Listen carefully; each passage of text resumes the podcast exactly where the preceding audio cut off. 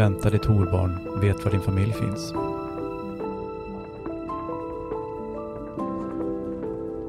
Nu när man är ren så har jag vaknat till liv.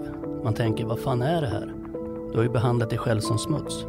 Ja, ja, gjort är gjort. Jag tycker inte synd om mig själv. Det är bara det jag vill säga.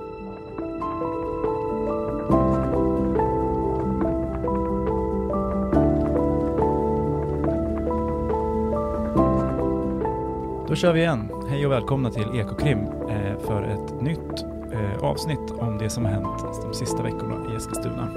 Eh, I studion sitter som vanligt Robin Folke, Peter Larsson, vi är båda krimreporterna här på Eskilstuna-Kuriren. Vi börjar eh, den 10 oktober, det var i, förra veckan, eh, då det var en, en eh, anlagd brand på en trafikskola i Årby. Vad var det som hade hänt där?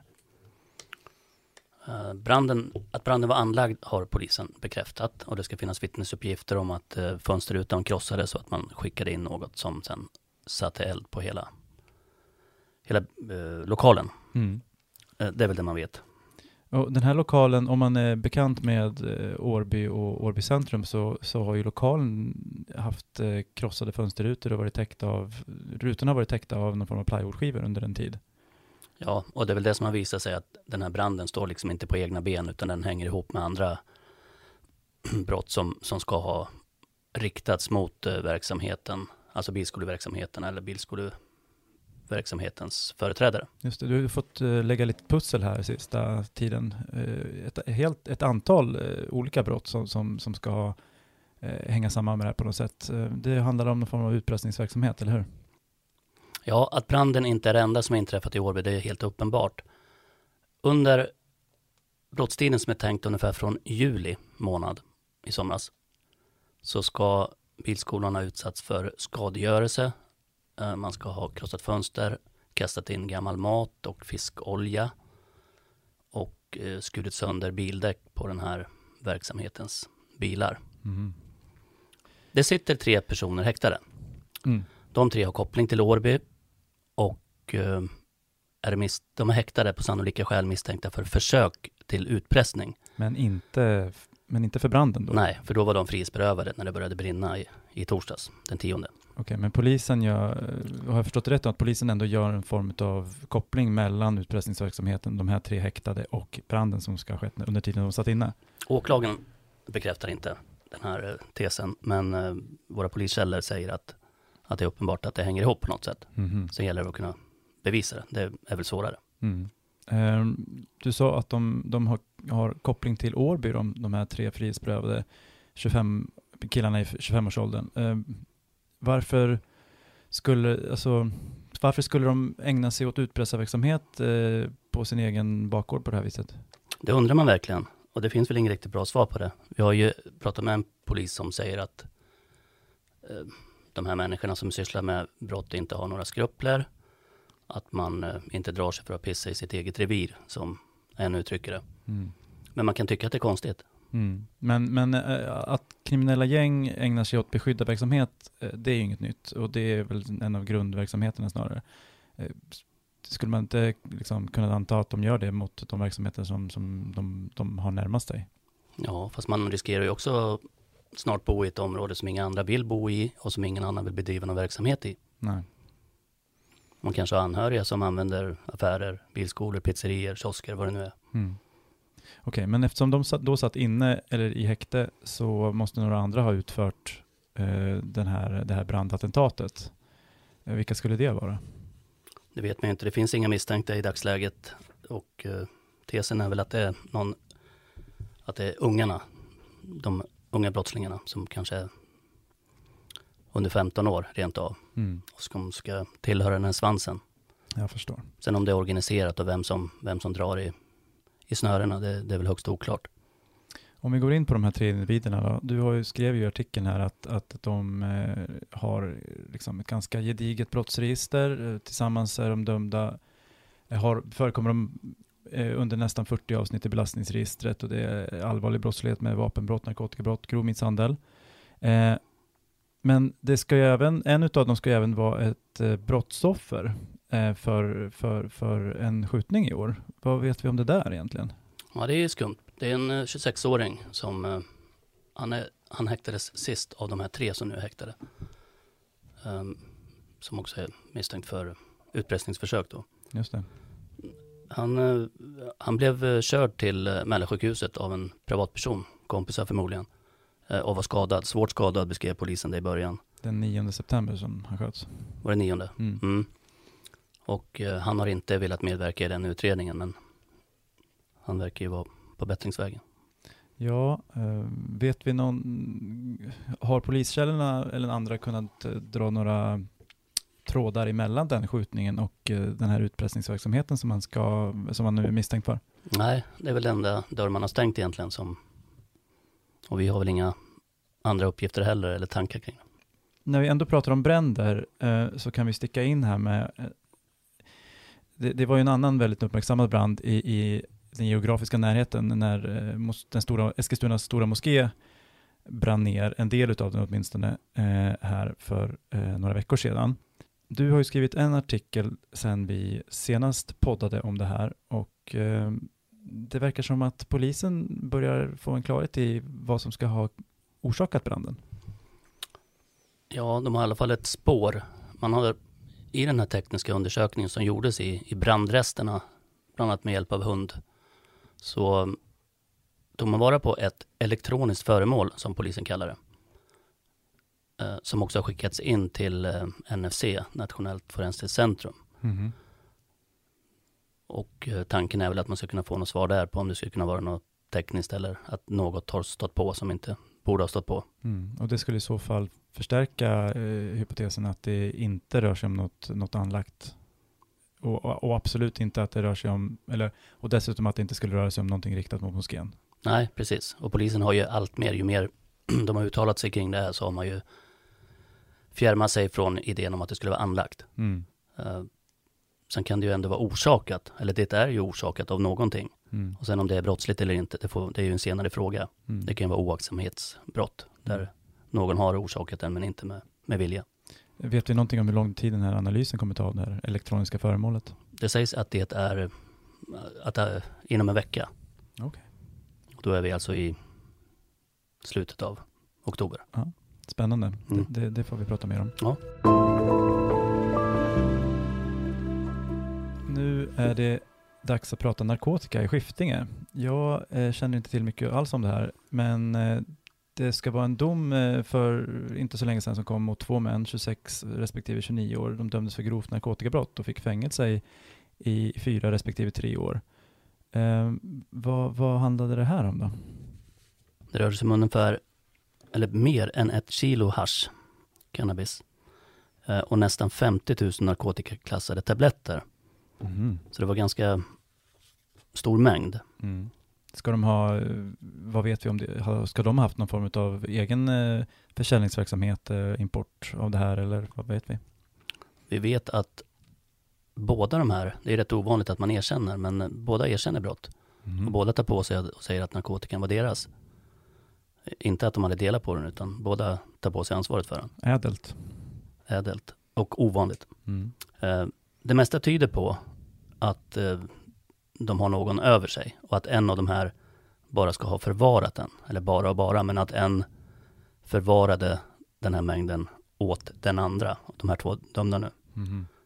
Och det har, det har domstolen slagit fast också. En liten detalj i det här, det är också att en av de här männen man, man tar ju naturligtvis deras telefoner och sådär i samband med husrannsakningar då, när de greps. Och lite intressant i det hela är att den ena smsade till den andra samtidigt som den här husrannsakan pågick. Mm. Där man varnade då att, eh, att det stod bilar utanför porten, att han skulle vara försiktig, bror gå inte ut.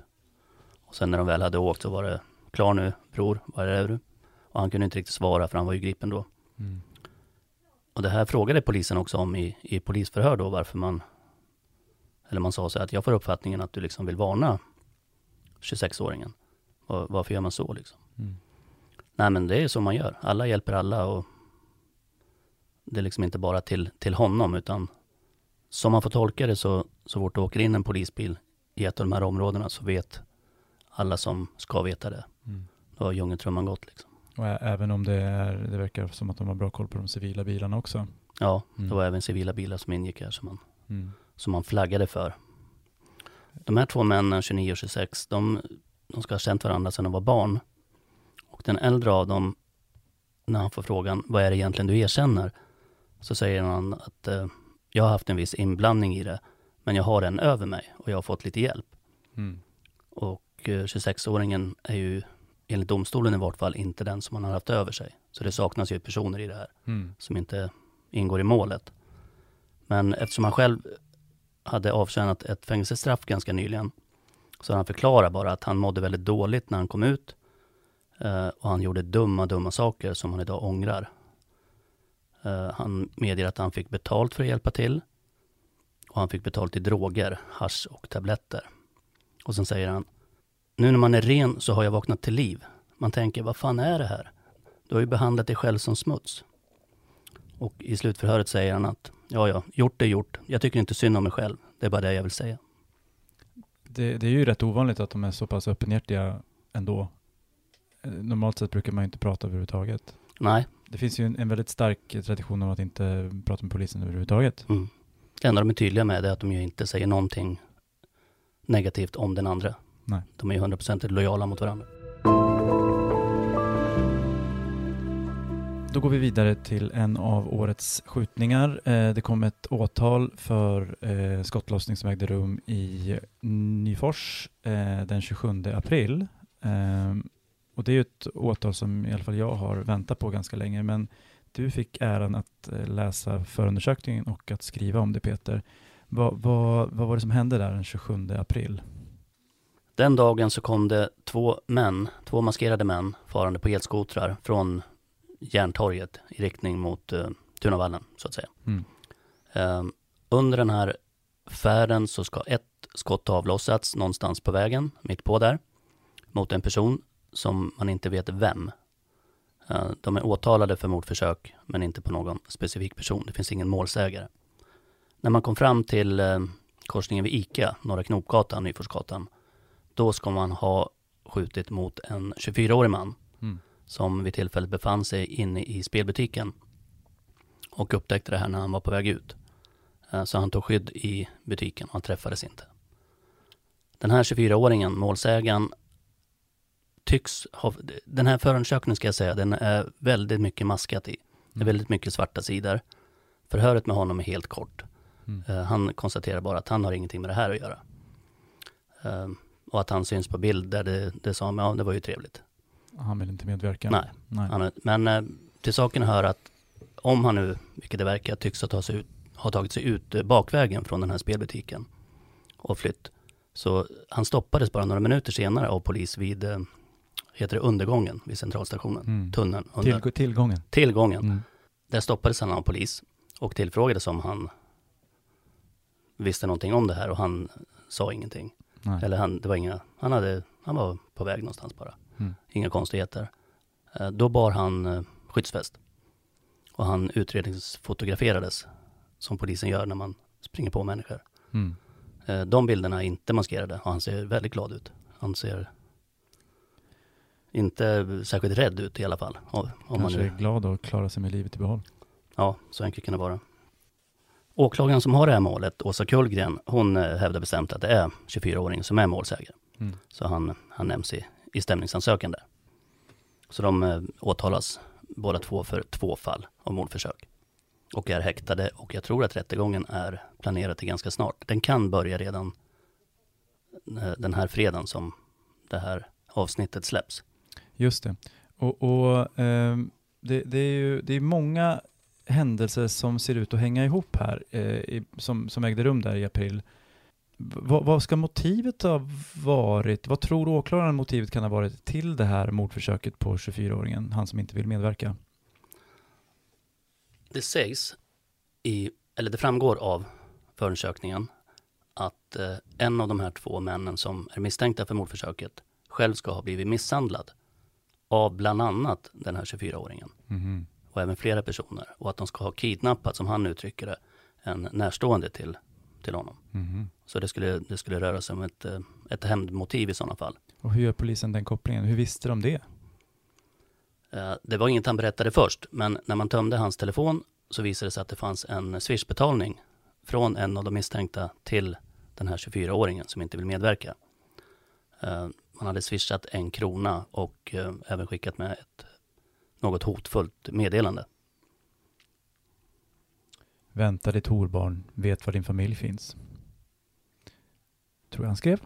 Det skrev han och han har förklarat det med att han var jävligt frustrerad och det var då han nämnde det här om misshandeln. Att han själv hade ja, utsatts för dåliga saker. Men det är liksom det, man kan också eh, ana konturerna till någon form av geografisk, eh, liksom någon form av schism mellan Nyfors och, och Årby här. Ja, det är sant. För de här två som är misstänkta för det Mm. eh, har en, en tydlig koppling till, till Årby Mm. Och eh, att man inte då ska vistas i fel område. Mm. Och det har de själva uttryckt en viss eh, eh, rädsla för. Att vistas i Nyfors? Ja. Mhm. Eh, men även då, eh, ehm, det finns även en, en till händelse som, som kan sägas vara kopplad eh, till, till det här mordförsöket. Och det, det, det är då den händelsen som ägde rum den 28 april, dagen efter, då den beskjutne 24-åringen greps beväpnad tillsammans med två andra i ett eh, trapphus inte så långt ifrån, den här, ifrån eh, Nyforsgatan. Eh, och där greps han eh, och åtalades och dömdes nu i somras eh, för eh, grovt vapenbrott. Eh, och han avtjänar nu ett fängelsestraff för det. Mm. Eh, på tre och ett halvt års fängelse. Så att det, det är ju...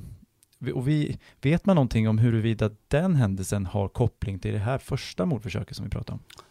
Nej, jag vet inte. För det, då var ju de här två misstänkta, de var ju redan gripna. Så det kan ju inte ha varit någon tanke att man skulle fortsätta.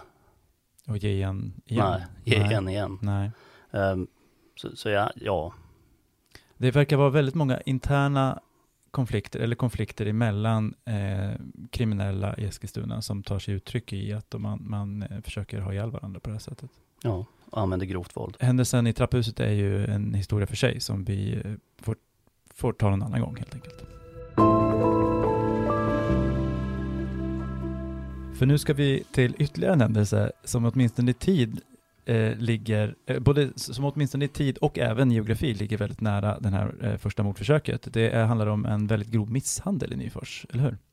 En väldigt grov misshandel där eh, flera personer hoppade på en man, stampade på huvudet, eh, sparkade honom i huvudet och eh, överröstade honom med slag. Eh, Det var en man i 35-årsåldern som utsattes för det här brottet. I somras. Eh, Jag vet inte om vi har datumet, var det 30 juli? Ja, Kan det stämma? det kan stämma. Mm. Eh, Vi har eh, publicerat bilder på, på den här händelsen och jag vet att du också reagerade när du såg. Ja, åklagaren har ju hittat en övervakningsfilm och har tagit stillbilder från den som, som finns med i förundersökningsprotokollet. Och på en av de stillbilderna så syns den åtalade i luften när han ser ut att hoppa på eh, må- målsägarens huvud. Det är väldigt grafiskt. Han säger själv att han landade, landningen är inte med och han säger att han landade vid sidan av. Men Eh, att, han är sparkad i huvudet, eh, det framgår av andra bilder och även av en annan person som inte åtalades. Mm. Eh, skadorna blev ju som sagt rätt rejäla. Han hade frakturer kring eh, ögonhålan, frakturer i både över och underkäken och eh, flera lösa tänder. Men vad ska det här ha handlat om då? Varför slår man någon så här hårt? Den här eh, mannen som eh, brottsoffret, målsägaren, hävdar att de här har varit på honom länge och försökt eh, kräva honom på konstiga avgifter. Att han är skyldig dem pengar och sådär. Eh, 21-åringen som är åtalad, han hävdar att han själv var utsatt för hot.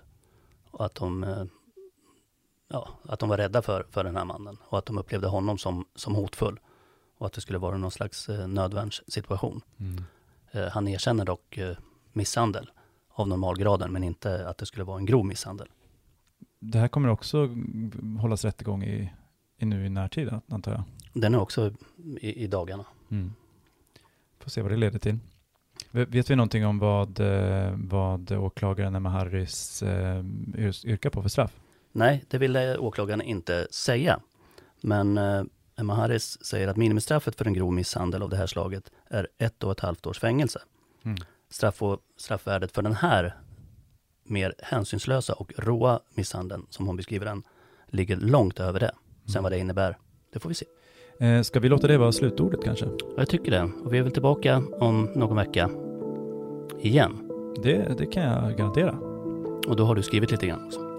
Då kanske jag bidragit till spalterna något. Det hoppas vi på. Mm. Tack för idag. Tack för att ni har lyssnat. Tack, tack. Är du mellan 18 och 29 år? Då kan du ta del av allt innehåll på ekuriden.se eller i vår app för endast 29 kronor i månaden i ett helt år.